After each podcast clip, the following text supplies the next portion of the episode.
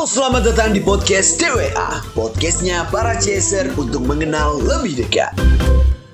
Bismillahirrahmanirrahim. Assalamualaikum warahmatullahi wabarakatuh. Hai hai sahabat CS, kembali lagi di podcast viral Talk with Alumni. Hai Irsyad. Halo Kak Miftah, apa kabar nih di sore hari ini? Baik banget Syad, kalau kamu? Alhamdulillah, aku juga baik nih kak di sore-sore yang wah sepoi-sepoi banget nih angin-anginnya, enak banget. Kelihatannya kamu semangat banget nih Syad. Tentu aja kak, aku semangat banget karena hari ini aku ditugasin jadi host di acara podcastnya Cies, Talk with Alumni. Nah, tapi kak sebelum kita lanjut nih, kira-kira apa sih Talk with Alumni itu? Nah, buat Irsyad dan teman-teman pendengar semuanya yang belum tahu nih, Talk with Alumni itu apa? Talk with Alumni atau TWA adalah podcast dari KCCS FEBUB yang berfokus pada permasalahan yang dialami oleh mahasiswa-mahasiswa ataupun isu-isu yang lagi hangat saat ini, Syat. Wah, Masya Allah, keren banget. Berarti relate banget sama kita sebagai seorang mahasiswa di FEBUB, juga sebagai staff atau kader CS gitu ya di Kabinet Bayana Kais 2022 kali ini. Nah, tadi kita udah kasih tahu nih ke teman-teman semua apa itu TWA. Tapi kayaknya kita lupa untuk perkenalan nih sama teman-teman semua. Mungkin mulai dari aku dulu kali ya. Perkenalan sebagai host dan co-host yang akan membawa acara TWA kali ini hingga selesai nanti. Halo teman-teman semua, perkenalkan nama aku Irsyad selaku host yang akan memandu jalannya acara podcast kali ini hingga selesai nanti. Aku dari Departemen Public Relations 2022. Nah, kalau Kamifta sendiri dari mana? Hai teman-teman semuanya, kenalin nama aku Miftahul Jana dari Departemen Public Relation tahun 2022 sebagai co-host yang akan membersamai kalian dalam podcast TWA yang kedua ini. Nah, ngomong-ngomong podcast TWA yang kedua nih, Syat, kira-kira apa sih topik dari Talk with Alumni yang pertama kemarin? Nah, kalau podcast pertama kita kemarin, itu kalau nggak salah itu bahasnya soal internship nih, atau soal magang nih buat teman-teman CSR semua. Nah, kalau sekarang apa sih yang mau kita bahas Kak? Nah, di Talk with Alumni yang kedua ini kita akan membahas tentang komunikasi future leader. Oke, mungkin kita udah terlalu lama nih, Chat, untuk bincang-bincang ngalor ngidul perkenalan. Nah, alangkah baiknya mungkin kita langsung aja kali ya masuk ke perkenalan pemateri yang hari ini tuh terlihat bersinar sekali gitu ya. Bersinar pesonanya, prestasinya, dan semuanya gitu. Amin ya. Oke, mungkin kita bisa langsung panggil pemateri kita, pemateri yang inspiratif, yang menginspirasi dan tentunya hebat banget. Kepada Kak Aufan Givari, halo Kak Aufan, Assalamualaikum. Waalaikumsalam. Waalaikumsalam. Halo Kak Ufan, mungkin uh, sekarang kesibukannya apa Kak? Kesibukannya ya alhamdulillah sih sekarang uh, baru aja diterima ya jadi PCS OJK program pendidikan calon sosial OJK angkatan ke-6. Jadi memang uh, selama nanti 9 bulan ke depan ini bakal training ya untuk jadi calon eh jadi pegawai tetap di OJK gitu. Dan ya dan juga uh, dua hari lalu gitu barusan diminta sama teman-teman di angkatan tuh di 268 teman-teman angkatan PCS OJK untuk saya jadi kadif keilmuan gitu di PCS OJK agar membantu teman-teman yang nggak paham gitu terkait nanti materi training yang diberikan. Jadi ya uh, untuk selama training ini masih awal-awal ya jadi kayak semacam mirip ulang kuliah lagi gitu terus dikasih materi lagi ada pretestnya, prosesnya, ada ujiannya gitu.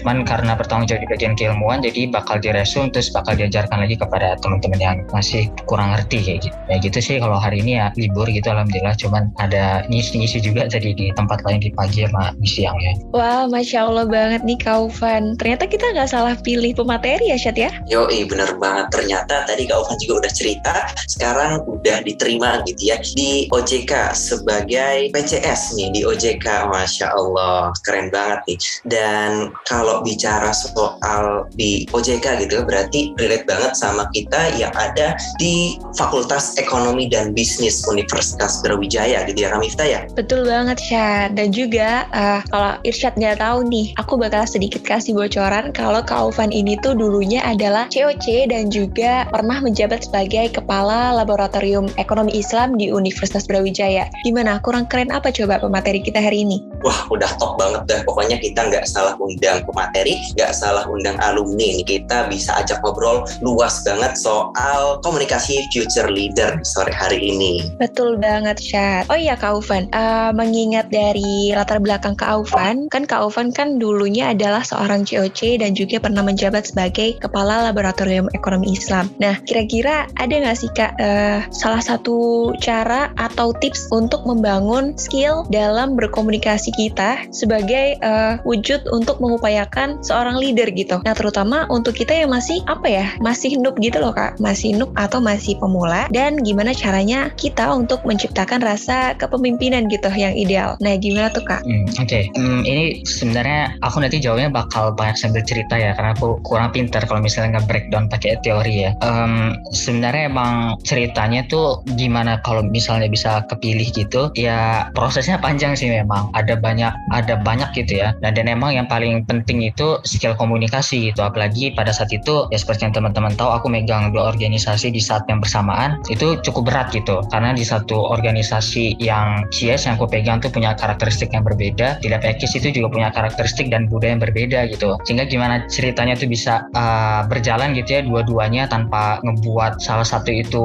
pecah gitu. Itu sebenarnya memang butuh skill komunikasi yang tetap dalam uh, eksekusinya nanti benar-benar bagus gitu. Nah um, contohnya gini ya kayak di CS itu ya seperti teman-teman tahu uh, sumber daya manusianya banyak banget kan ya. Ada berapa ratus orang gitu.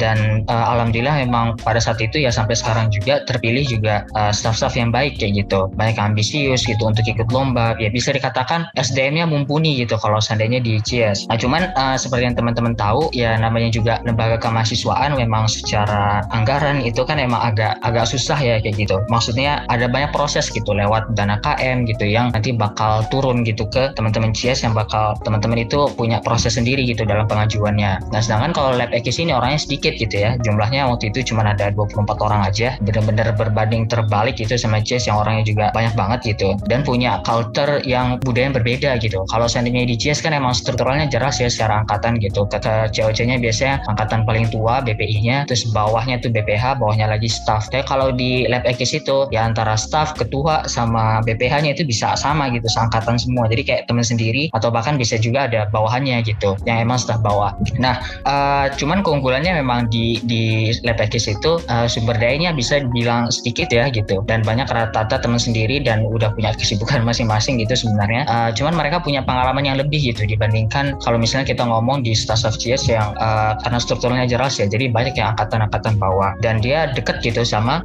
dosen dosen-dosen gitu sama di dekanat ya. Nah makanya sebenarnya untuk akses untuk lebih menggampang appraisal dari um, proker itu lebih gampang gitu. Bahkan dari secara anggaran pun jauh lebih gampang gitu dibandingkan di CS gitu. Nah uh, makanya sebenarnya penting tuh peran komunikasi di sini gitu ya. Uh, lab ekis pada saat itu ya teman-teman tahu nama judulnya Jalan Laboratorium Islam Ekonomi Islam kan? Berarti emang uh, sebenarnya punya peran yang mirip gitu ke CS nah makanya pada saat itu uh, yang aku rasakan gimana sih caranya ya? Uh, bisa mengcombine gitu ya dari dua dua apa namanya organisasi yang berbeda punya karakteristik yang berbeda tapi punya tujuan ini yang sama gitu. Kita combine dengan uh, salah satu kelemahan sama kelebihannya masing-masing kita gabung untuk saling menutupi gitu ya.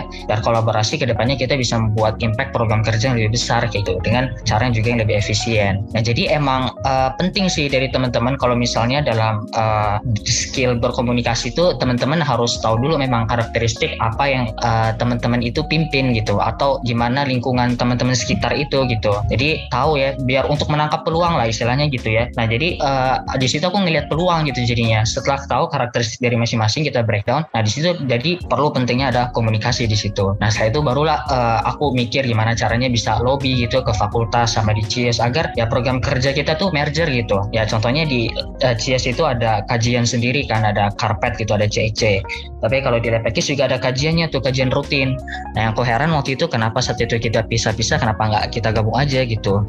Dari segi anggaran kita pakai gabungan dari anggarannya Lepekis terus untuk dari segi uh, eksekusinya gitu itu lebih banyak dipanggil teman-teman CS gitu. Karena teman-teman CS tuh menurut saya pribadi lebih ini ya lebih me lebih apa ya lebih ambisius lebih antusias gitu dalam membuat program kerja merancang yang lebih bagus gitu lebih sempurna gitu dibandingkan teman-teman angkatan yang lama yang cenderung udah uh, punya kesibukan lainnya. Ya jadi uh, alhamdulillah tuh ya ada beberapa program kerja yang berhasil disatukan ya pada saat itu. Jadi kalau uh, boleh cerita ya ini karena teman-teman masih di online ya. Kan kalau waktu di offline dulu uh, karpet itu di di di kampus kan ya di kampus di ruangan-ruangan gitu. Nah dan kita kalau seandainya konsumsi selalu kasihnya konsumsi snack doang gitu. Cuman karena ada lab ekis kita bisa mengundang pemateri yang berbayar gitu. Berarti kan secara kapasitasnya lebih tinggi terus kita bisa memberikan makanan berat yang bisa apa ya meningkatkan intensitas orang gitu untuk datang ke acara kita tuh lebih besar. Nah, sehingga kita saling promo-promoan itu kan. Ya alhamdulillah emang caranya tuh lebih besar gitu. Nah uh, banyak lah akhirnya kita bisa saling um, support gitu kan dari segi penganggaran sama segi mudah untuk izin ya. Kayak contohnya mengundang pemateri-pemateri yang bagus-bagus tuh enaknya karena lewat pakai surat dari fakultas gitu. Ya dari situlah emang sebenarnya perlu teman-teman tuh kenalin gitu ya dari uh, setiap skillnya teman-teman di posisinya teman-teman saat ini agar teman-teman tuh bisa cari peluangnya gitu. Mana yang lebih mana yang kurang gitu. Terus bisa teman-teman analisa sendiri gitu kira-kira gimana kalau seandainya itu bisa kita gabung kah atau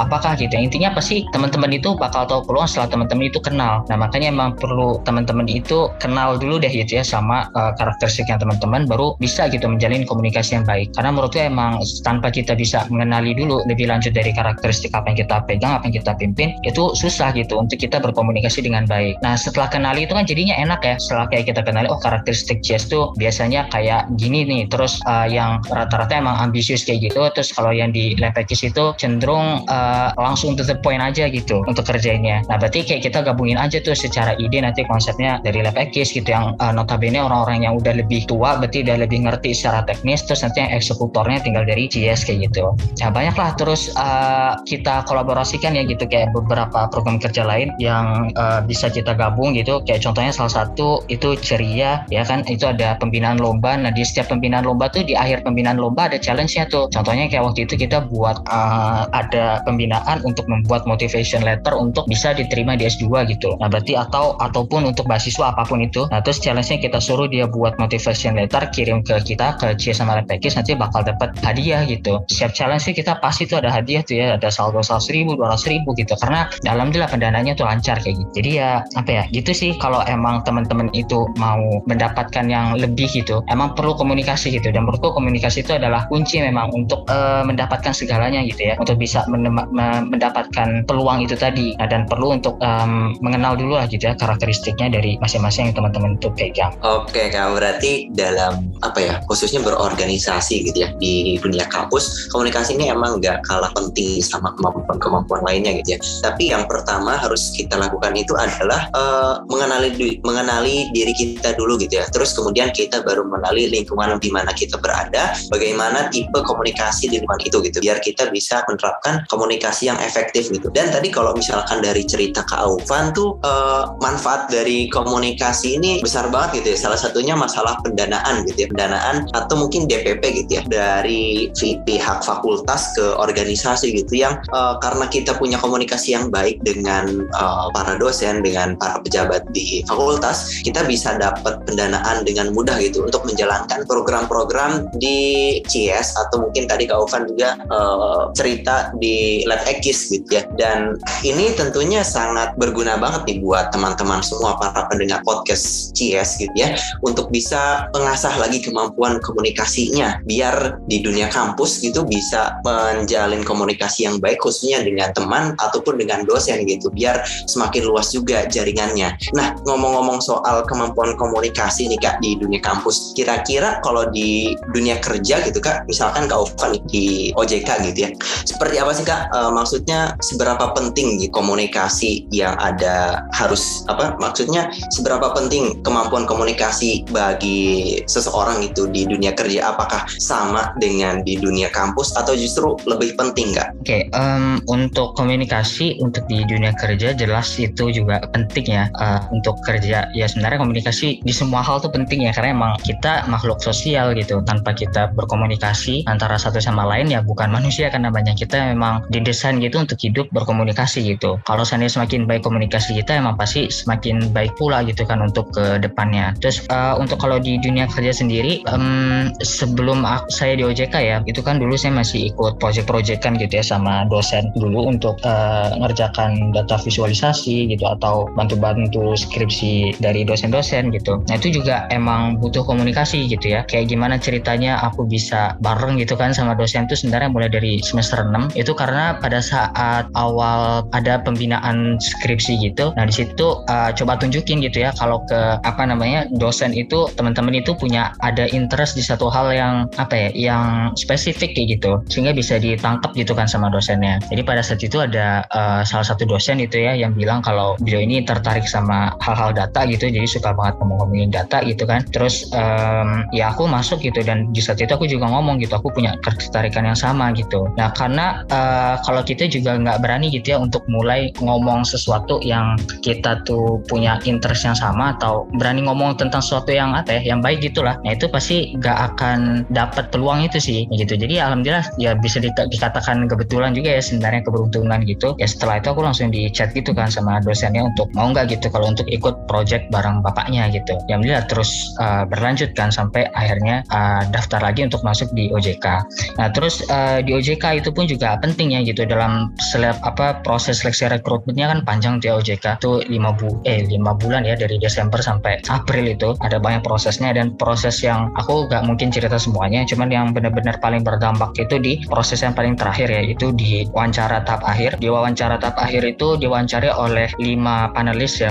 Kalau seingatku ada lima panelis orang yang uh, mewawancarai itu semuanya dari pejabat-pejabat tinggi OJK gitu. Salah satunya ada ADK-nya bahkan ya anggota Dewan Komisioner yang punya jabatan struktural paling tinggi lah gitu ya di uh, eh, OJK gitu. Nah jadi uh, sebelum teman-teman itu udah tahu ya kalau wawancara dan emang disebutin kalau bakal nih wawancaranya itu orang yang wawancaranya itu ini ini aja gitu ya pejabatnya. Itu teman-teman coba riset dulu gitu backgroundnya seperti apa sih gitu kira-kira yang nanti um, apa namanya itu mewawancarai gitu. Biar teman-teman tuh bisa narik gitu ya interestnya kepada orang yang uh, bakal mewawancari kita gitu. Nah pada saat itu uh, waktu itu aku perlu riset-riset itu kan perlu cari-cari dulu gitu. Memang ADK-nya tuh siapa aja kan ada tujuh ya gitu anggota dewan komisioner yang kita bisa lihat gitu. Terus ada bidangnya masing-masing. Terus uh, kita riset gitu backgroundnya satu-satu. Oh pak ini apa sih backgroundnya pak ini apa backgroundnya gitu. Nah, terus uh, aku kedapatan dia ada salah satunya dari uh, ADK yang emang di bidang pengawasan IKNB tuh industri keuangan non bank gitu. Dan di situ uh, beliau itu punya uh, pengalaman kerja sebagai mantan CEO-nya Bank Mandiri gitu bank terbesar di Indonesia gitu. Nah saat itu aku tahu ya berarti oh kalau bapaknya ini emang CEO Bank Mandiri berarti emang punya banyak gitu ya ketertarikan atau punya pengalaman di perbankan gitu. Jadi pada saat wawancara user nanti kalau misalnya ditanya masalah kuliah aku banyak bahas tentang perbankan di situ. Ya alhamdulillah sih pas di penjelasan itu jadi aku bisa narik banget gitu attention dari uh, orang yang mewawancarai gitu. Dari situlah kita benar-benar bisa uh, narik attention biar orang tuh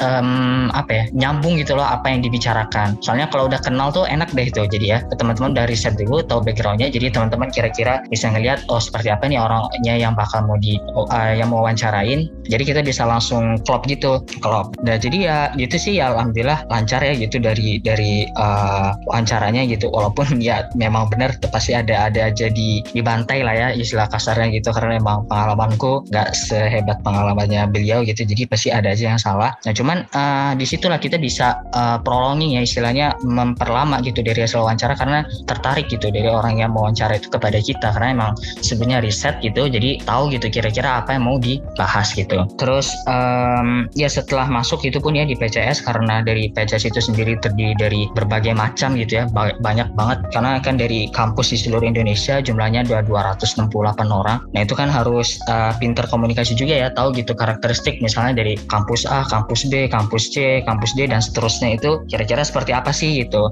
Nah sehingga uh, nanti pada saat kita masuk itu uh, gampang gitu loh uh, harapannya itu bisa kita tuh fleksibel aja gitu orangnya. Yang tipe kalau misalnya di kita bicara A gitu kita bisa juga nyambungin gitu bicara B. Nah, jadi uh, kita bisa apa ya menimbulkan suasana yang enak lah kayak gitu. Misalnya duduk langsung bisa uh, saling bicara satu sama lain, akhirnya kenal gitu sama uh, orang-orang yang ya pasti juga punya kisah yang inspiratif gitu dengan lebih dari kita gitu. Jadi uh, jangan juga teman-teman um, apa ya udah istilahnya menutup diri lah gitu untuk belajar gitu karena emang orang-orang lain kan pasti ada juga yang di atas kita kan gitu. Ya dari situlah uh, karena aku emang tipenya suka uh, lihat dulu ya kira-kira nih apa sih gitu ya kalau uh, anak ini dia punya seperti apa gitu dari uh, backgroundnya gitu setelah aku lihat misalnya dapat ada pembagian kelas rata-rata temanku ini dari kampus ini ini ini gitu oh berarti uh, rata-rata pembicaranya seperti ini ini dan ya aku bisa ini semuanya sih gitu. Alhamdulillah bisa um, ngimbangin semuanya lah gitu. Misalnya dari kampusnya yang jago-jago gitu ya berarti kan omongannya kuat-kuat tuh. Nah berarti kalau misalnya sampai di sana tuh ya kita bisa nyambungin gitu. Makanya pintar juga sih untuk perlu juga sih teman-teman tuh untuk menambah wawasan gitu sebenarnya agar ya setiap kali ada orang tuh berbicara kita bisa memang nyambungin gitu ya dari semuanya. Ya, ya itu sih. Nah bisa saya simpulkan dari pernyataan Kak Aufan tadi bahwa organisasi di kampus itu penting ya Kak ya? Karena kita bisa melihat seseorang itu dari apa ya bisa istilahnya adalah oh orang ini memiliki ketertarikan terhadap sesuatu gitu. Dan mereka itu niat untuk uh, mencapai tujuan itu. Nah itu bisa kita lihat dari cara mereka berkomunikasi dengan dosen dengan rekan kerja dan nantinya hal tersebut itu akan diimplementasikan di dunia kerja ya kayak seperti uh, berkomunikasi untuk membangun relasi dengan rekan kerja terus untuk uh, melakukan riset atau apa pun itu semuanya perlu komunikasi karena sebagai manusia yang hidup di dunia dan sebagai makhluk sosial itu kita nggak pernah lepas dari yang namanya komunikasi. Nah, uh, kita mau flashback lagi nih kak. Uh, kak Uvan kan dulunya itu adalah chairman dan juga pernah menjadi kepala lab ekis ya kak ya. Itu kan benar-benar dua posisi yang uh, apa ya istilahnya tuh keren banget dan itu sebenarnya pressure banget gitu kan. Nah, aku kepo aja sih kak. Dari kak Sendiri kira-kira pernah nggak sih menghadapi masalah yang uh, bikin down banget gitu pada saat itu? Yeah, um, kalau down jelas ya, iya di di semua tahap pun ya, nggak usah sampai ketua lah. Jadi staff aja pernah, jadi kadep juga pernah. Tuh, satu lagi pada saat itu yang langsung dua-duanya gitu sekaligus. Down itu hal yang hal yang wajar lah gitu kalau menurutku ya. Um, pada saat itu ya aku jujur aja pada saat awal-awal itu itu emang pressure tertekan banget gitu ya dari aku karena aku nggak tahu gitu gimana cara ngimbangin kedua-duanya gitu karena aku merasa kayak ini punya background berbeda lah latar belakang berbeda caranya berbeda. Terus uh, gimana sih ya kok aku bisa jalanin uh, merasa dua-duanya tuh hal yang berbeda lah benar-benar separate gitu ya Lepeki sendiri Cia sendiri gitu. Terus um, ya aku mulai mulai bangkit lagi mulai semangatnya lagi ya setelah tadi apa yang aku ceritakan di atas sih gitu. Setelah uh, aku coba merenung gitu ya sendiri terus coba analisa gitu dari masing-masing gimana sih caranya tuh yang penting intinya ke depan kita bisa jalan bareng gitu. Ya terus setelah itu ya akhirnya aku mengenal ya udah kenal gitu sama karakteristik dua-duanya oh seperti ini seperti ini gitu. Makanya ini jujur aja pada saat yang program peleburan itu emang gak dari awal gitu. Karena dari awal tuh aku bener-bener jalan sendiri-sendiri tanpa ngeh gitu ya untuk um, gimana caranya bisa jalan lebih efisien gitu. Itu justru emang jalannya tuh pas sudah sekitar dua bulan berjalan lah kayak gitu. Baru itu kepikiran untuk di collab gitu digabung. Nah selama masa itu ya emang aku bisa dikatakan kayak uh, stres terus lah gitu. Nggak down sih ya tapi maksudnya uh, tertekan banget gitu selama uh, menjalankan kedua itu. Nah terus uh, makanya yang penting tuh teman-teman perlu tenang lah istilahnya perlu tenang. Terus um, untuk dalam menjalankan organisasi itu terus uh, untuk diperhatikan lagi lah gitu. Kira-kira apa sih ada aja gitu kan peluangnya untuk mendapatkan gimana untuk um, bisa menjalankan organisasi itu dengan baik sih gitu. Nah tapi yang menurutku sih yang paling penting lagi kalau seandainya uh, down terus merasa terpressure atau ter, ter, ter apa ya tertekan gitu yang paling penting sih menurutku ya ini perlu teman-teman tuh bersyukur sih sebenarnya. Karena apa ya teman-teman misalnya ngelihat gitu kalau dari kondisi orang-orang lain gitu banyak ya misalnya pada saat saat ini gitu ya uh, mereka tuh mikir gitu untuk saat ini tuh gimana caranya untuk mendapatkan sesuap makan nasi gitu atau uh, tidur itu harus gimana gitu. Untuk di saat ini tuh ada gitu yang pikirnya tuh seperti itu gitu yang sebenarnya penekanannya tuh jauh gitu ya lebih besar daripada kita karena udah masalah hidup atau mati gitu. Sedangkan uh, masalah primer gitu ya. Sedangkan kita ini ya bisa dibilang udah dikatakan privilege lah gitu ya dari kan orang-orang yang banyak gitu yang di bawah kita. Jadi menurutku udah bukan saatnya sih gitu cengeng untuk hal yang kayak gitu. Tapi ya kita bisa bangkit lagi gitu kan. Karena apa yang udah diberikan amanah itu ya emang harus dituntaskan eh, kayak gitu. Dan emang bukan sebagai pemimpin doang sih tapi semuanya gitu kan. Emang bahkan di hadis kan disebutin juga tuh kulukum ro'in wa ro'in maskulin an ro'iyatihi gitu. Setiap dari kalian itu adalah pemimpin gitu. Dan setiap dari pemimpin tuh bakal dipertanyakan atas kepemimpinannya. Nah jadi uh, teman-teman camkan itu tuh gitu ya. Kalau emang teman-teman tuh uh, udah dikasih gitu ya satu amanah gitu. Orang yang bukan pemimpin yang tanda kutip pemimpin yang maksudnya punya jabatan struktural aja. Di dalam hadis itu sendiri ya kita sebagai seorang muslim itu untuk uh, dikatakan sebagai pemimpin loh gitu atas diri kita sendiri kita punya pertanggungjawaban loh gitu atas diri kita sendiri gitu. Apalagi kita yang emang udah punya jabatan struktural gitu berarti emang harus diselesaikan dengan baik kayak gitu. Dan ya itu sih yang sering aku jadikan cambukan ya misalnya setiap kali aku down setiap kali aku merasa tertekan atau apa pun itu aku selalu ngeliat ke bawah gitu. Boleh teman-teman untuk ngeliat ke atas gitu ya untuk teman-teman tuh motivasi menjadi yang lebih baik gitu. Cuman tapi menurutnya yang lebih penting jangan lupa untuk lihat ke bawah gitu karena itu yang lebih penting sih gitu untuk biar gak nggak ngeluh lah gitu dari kondisi uh, yang yang seperti teman-teman tertekan atau apa pun itu. Terus jangan lupa untuk uh, misalnya kondisinya down banget itu ajak bicara lah gitu ya sama teman-teman sekolega gitu ya maksudnya se uh, seangkatan atau se separtnernya gimana gitu. Terus atau ya orang tua lah gitu. Jujur aja deh kalau misalnya ngomong ke orang tua itu udah udah enak banget gitu rasanya lega gitu. Ya itu sih kalau kalau aku gitu selama aku down itu yang bisa aku bangkit Oke, berarti emang ya kalau misalkan uh, ada rasa tertekan, ada rasa down gitu, itu itu manusiawi gitu ya kak ya. Dan yes. tapi yang terpenting adalah gimana cara kita memanage uh, perasaan itu, gimana dengan adanya amanah tadi kita bisa menyelesaikan uh, amanah-amanah yang diberikan itu dengan sebaik mungkin. Dan kalau misalkan tadi kak Ovan cerita, uh, ketika misalkan kita sudah ngerasa down, sudah ngerasa mumat gitu atau pikiran gitu ya, udah ngerasa kacau balau lah perasaan gak jelas itu mungkin bisa untuk cerita ke misalkan ke orang tua atau ke teman gitu dan yang paling penting adalah coba curhat ke Allah bener nggak kak? Bener banget. Nah itu dia teman-teman. Jadi kalau misalkan kita udah ngerasa wah hidup ini kayaknya udah abu-abu banget, udah kurang cerah seperti dulu gitu ya, kita mungkin bisa ingat lagi ke Allah. Kita perbanyak zikir gitu, perbanyak ibadah dan tadi kalau Kak Ufan mention gitu, kita perbanyak syukur gitu. Kita ngelihat ke bawah gimana masih banyak orang-orang orang yang justru tidak seberuntung kita berada di posisi itu, berada di posisi yang mungkin diharapkan oleh orang-orang lain yang ada di bawah kita gitu ya kak. Nah, Selanjutnya nih kak, terkait skill nih, terkait kemampuan, terkait skill yang dimiliki oleh seseorang nih. Bagaimana cara kak Aufan gitu, misalkan punya skill komunikasi misalkan lah sebutlah seperti itu. Tapi ternyata ada di sisi lain ada kemampuan-kemampuan yang kak Aufan tuh lemah di situ. Gimana cara kakak bisa menyeimbangkan antara kelebihan skill yang dipunya dengan skill yang lemah gitu kak. Antara menyeimbangkan biar bisa sama-sama uh, membangun diri kita biar lebih berkembang lagi gitu kak. Pertama ya penting ya memang sebenarnya untuk mengenali diri sendiri biar tahu gitu. Benar-benar bisa breakdown apa sih keunggulan kita apa kelemahan kita. Nah setelah itu uh, teman-teman pinter-pinteran makanya untuk mencari partner itu kira-kiranya seperti apa sih gitu untuk bisa melengkapi dari kekurangan kita sih gitu. Terus biasakan untuk uh, hal-hal yang bertolak belakang gitu untuk menutupin kebiasaan itu yang ya kebiasaan buruk kita lah gitu. Eh, kayak contohnya aku punya kebiasaan ya bisa dikatakan agak selengnya gitu lah ya. Maksudnya uh, orang yang tipe gak seberapa detail gitu. Aku orang yang males untuk nyatet aku males untuk uh, apa namanya ngapa-ngapain gitu ya. ya ini mungkin cerita jelek ya teman-teman gak usah ditiru gitu. Aku selama kuliah itu ke mana-mana cuman bawa buku satu buku doang tuh gado-gado isinya campur tuh semua matkul isinya sama gitu kan bukunya sama itu. Dan nggak nggak pernah aku bawa ke kamar gitu.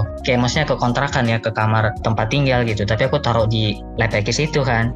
Jadi datang bener-bener nggak bawa apa pun cuman modal baju aja gitu kan. Buku sama pulpen ada di sana ambil udah duduk gitu di sana di kelas. Terus nyatet bener-bener hal-hal dikit banget. Nah jadi uh, ya ini sebenarnya jadi kebiasaan yang agak jelek ya kalau misalnya ke organisasi ada banyak hal-hal detail tuh jadi sering ada beberapa hal tuh yang termiss kayak gitu. Nah makanya butuh uh, support system sih gitu untuk mendapatkan partner tuh yang benar-benar ngerti gitu dari kekurangan kita tuh apa biar itu bisa backup gitu kan. Ya jadi ya pada saat pemilihan partner gitu ya aku emang bisa pilih orang yang benar-benar bisa nutupin aku sih gitu. Dalam doanya emang ketemu ya itu ya ada dua orang ya pada saat itu ada Gandhi sama Nurum gitu. Nurum yang jadi general sekretaris sebagai sekretaris tuh benar-benar rajin gitu untuk nulis uh, tahu gitu. Jadi aku bisa langsung mantau gitu schedule-nya gimana. Nah tapi sebenarnya uh, itu lebih baiknya lagi kalau kita bisa merubah kebiasaan buruk kita itu gitu. Nah semenjak waktu aku masuk awal di offline itu eh masuk jadi online gitu ya emang semuanya udah serba digital digital gitu. Nah di situ baru aku udah mulai catat-catat itu udah bila mulai di apa ya coba berusaha lah gitu untuk berubah diri gitu. Mungkin karena kertas pada saat itu aku malesnya minta ampun ya gitu. Cuman karena online kan enak tuh pakai Google apa namanya Google Calendar gitu atau pakai uh, Google Docs itu yang mudah nyambung ke semua device gitu. Itu coba langsung dicatat gitu dikit demi sedikit gitu. Dari setiap apa pun itu yang uh, kita masuk agenda kah catatan materi kah atau apakah gitu yang jadinya bisa lebih uh, terstruktur kayak gitu. Terus um, apa lagi ya? Ya itu sih emang makanya penting lagi kan itu apa komunikasi gitu agar teman-teman tuh tahu karakteristik kekurangan kita terus kita mencari peluang kan gitu gimana caranya bisa jadi lebih baik itu dengan kenal juga sama karakteristik orang tuh yang punya uh, kelebihan yang menutupi kekurangan kita gitu. Ya kalau senja udah klop gitu kan terus sudah bareng ya alhamdulillah bisa jalannya lancar gitu dari dari segi apa ya kita gitu ya aku Gandhi sama Nurum sebagai partner yang menjalankan CS ya pada saat itu. Terus um, apa lagi ya ya itu sih terus kayak misalnya milih-milih panitia ataupun kepala departemen ataupun lain sebagai teman kerja kita gitu. Emang perlu kan untuk mengenal gitu dari karakteristik orang masing-masing gimana gitu. Uh, gitu sih kalau dari aku emang coba paksa kayak gitu emang sedikit demi sedikit berubah diri sendiri walaupun emang susah dan uh, pinter-pinter lah gitu untuk cari partner gitu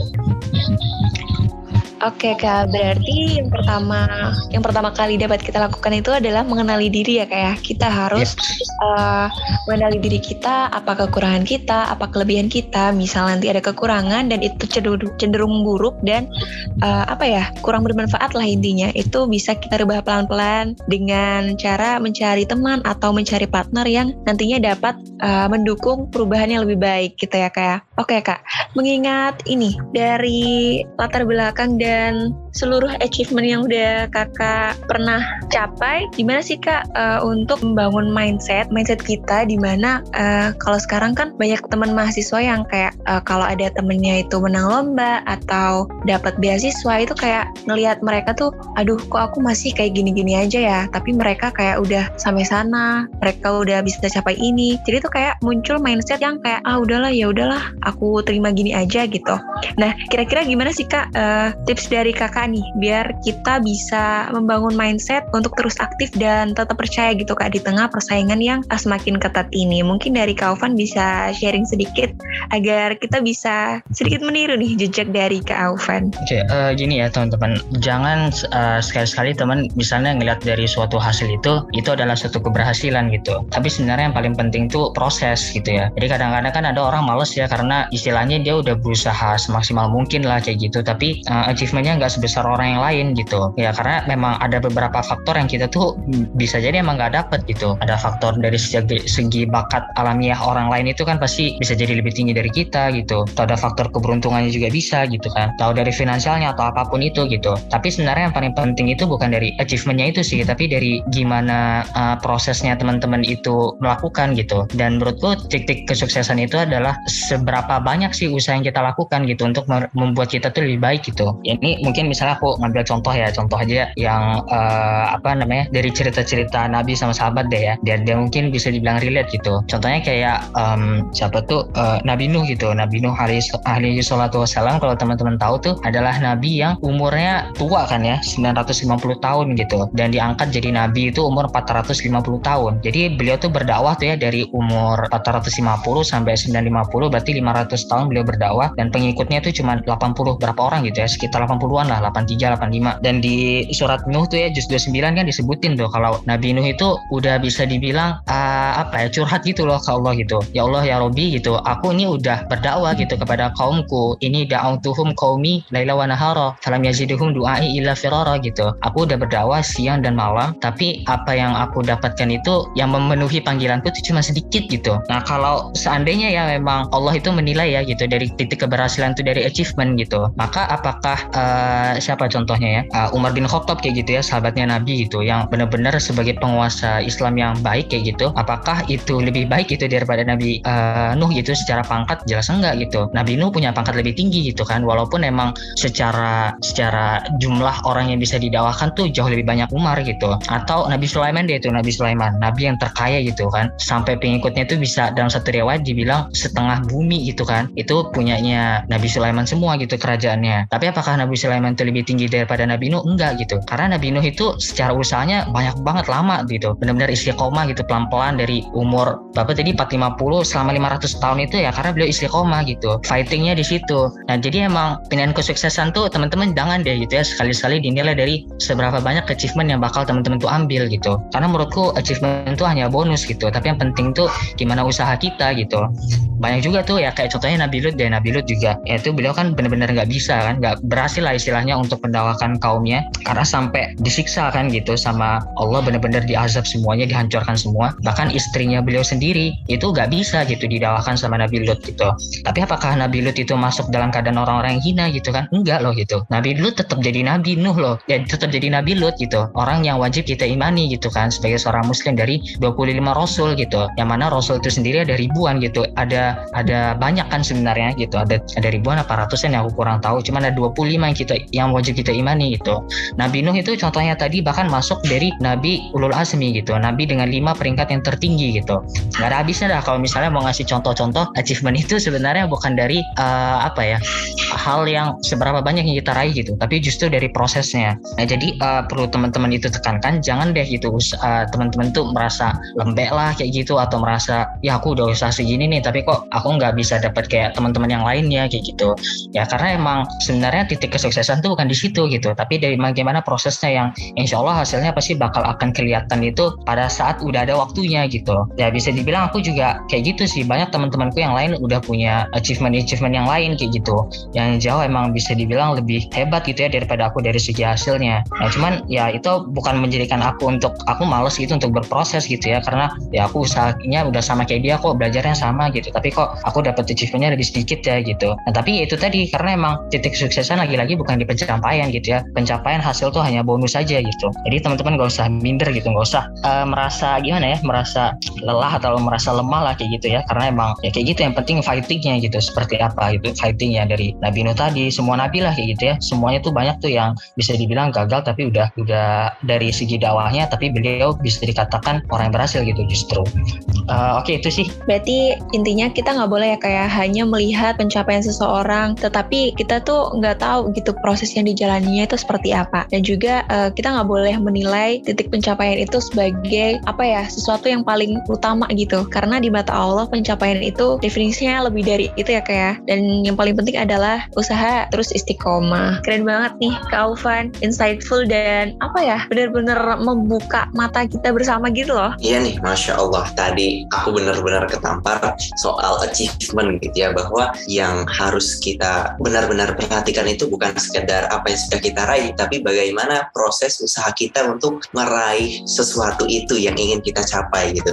Dan tadi juga banyak eh, contoh kisah-kisah dari para nabi yang masya Allah luar biasa banget gitu ya membuka hati dan pikiran kita di sore hari ini nih teman-teman. Oke mungkin karena kita udah lama banget nih gak uh, ngobrol dari tadi gitu ya sampai sekarang uh, mungkin teman-teman pengen dengar juga nih closing statement dari Kak Aufan Gipari sebagai penutup juga nih di, di acara podcast CS Talk with Alumni kali ini. Silahkan Kak. Ya, um, teman-teman semua ya perlu teman-teman perhatikan ya memang butuh proses gitu untuk teman-teman tuh uh, bisa ya bisa dikatakan orang yang berhasil kayak gitu. Tapi ya emang berhasil tuh nggak bisa instan gitu ya. Di belakangnya emang ada banyak prosesnya gitu. Dan jangan sampai lelah di prosesnya karena emang ya lagi-lagi bukan hasil gitu yang menentukan keberhasilan kita gitu. Tapi dari seperti apa sih prosesnya dan yang paling penting ya di setiap langkah kita tuh selalu menyertakan Allah ya kayak gitu. Nah berarti otomatis di situ tuh pasti itu itu udah titik yang yang yang terbaik itu puncak kemuliaan tuh menurutku di sana gitu ya bukan dari uh, achievementnya. Terus jangan lupa bersyukur itu untuk uh, teman-teman semua dari setiap kayak musibah lah atau dan atau apa pun gitu untuk teman-teman tuh bisa menjadi yang lebih baik. Benar-benar jangan nyerah deh gitu pasti bakal apa namanya tuh Allah itu bantu gitu. Ya misalnya kalau kita sebagai seorang muslim gitu ya untuk menjadi seorang muslim di tempat kayak kita sekarang udah banyak banget kemudahan kita negara dengan mayoritas muslim terbanyak gitu maka otomatis hidup sebagai seorang muslim di sini tuh nyaman gitu sedangkan di negara-negara lain itu uh, terlalu terlalu apa ya terlalu banyak gitu ya rintangan-rintangannya gitu. Terus kalau misalnya dilihat dari uh, zaman-zaman dulu juga itu ya dari zaman-zaman dulu mereka untuk mempertahankan keislamannya aja nyawa gitu bandingannya. Ya kayak dalam bin gitu beliau tuh sampai harus disiksa dulu gitu untuk mempertahankan. Sedangkan kita nggak sampai kayak gitu. Nah, makanya uh, jangan lupa ya untuk bersyukur gitu teman-teman untuk terus bisa meningkatkan dirinya teman-teman semua gitu. Karena ya apa ya, ya itu sih yang penting. Dan cara yang bersyukur itu teman-teman bukan cuma cukup untuk mengucapkan kalimat alhamdulillah aja gitu tapi semua nikmat yang telah Allah berikan itu benar-benar teman-teman maksimalkan semua gitu sesuai jalan yang udah diridhoi oleh Allah. Oke, itu aja sih dari aku closing statementnya. Mohon maaf ya kalau seandainya kepanjangan karena ngobrol aku kebiasaan kayak gitu sampai ke mana-mana. Ya moga uh, bermanfaat dan bisa menginspirasi teman-teman agar ya uh, kita semua bisa menjadi lebih baik lah gitu dari diri kita uh, sekarang. Tapi yang penting juga jangan melupakan Allah lah gitu dalam setiap uh, langkah kita gitu. Kayak gitu teman-teman. Oke masya Allah luar biasa banget nih closing statement dari Kak Aufan. Yang penting kita poin pentingnya adalah terus ingat Allah melibatkan Allah di segala aktivitas kita di setiap apa pun masalah yang kita hadapi terus ingat Allah. Dan masalah komunikasi ini tentu sangat penting banget dan kita harus terus coba untuk melatih bagaimana komunikasi yang baik dengan orang-orang sekitar kita. Baik sebelumnya kita mau ngucapin banyak terima kasih nih sama Kak Aufan karena telah bersedia untuk kita jadi narasumber kita tanya-tanya nih soal uh, pengalamannya soal komunikasi gitu ya communication Future Leader di podcast Cias Talk with Alumni kali ini. Nah, mungkin buat teman-teman pendengar podcast Cias Talk with Alumni, kami ingin mengingatkan nih buat teman-teman semua untuk jangan lupa terus pantengin media sosial Cias khususnya di Spotify ini buat dengerin podcast-podcast selanjutnya dari kami. Dan mau tahu apa tema yang bakal kita bahas di podcast selanjutnya? Tunggu terus informasi selanjutnya di media sosial Cias. Untuk itu, kami, aku, dan Kak Miftah juga Kak Ovan mohon pamit undur diri. Terima kasih udah mendengarkan dari tadi hingga sekarang. Wassalamualaikum warahmatullahi wabarakatuh.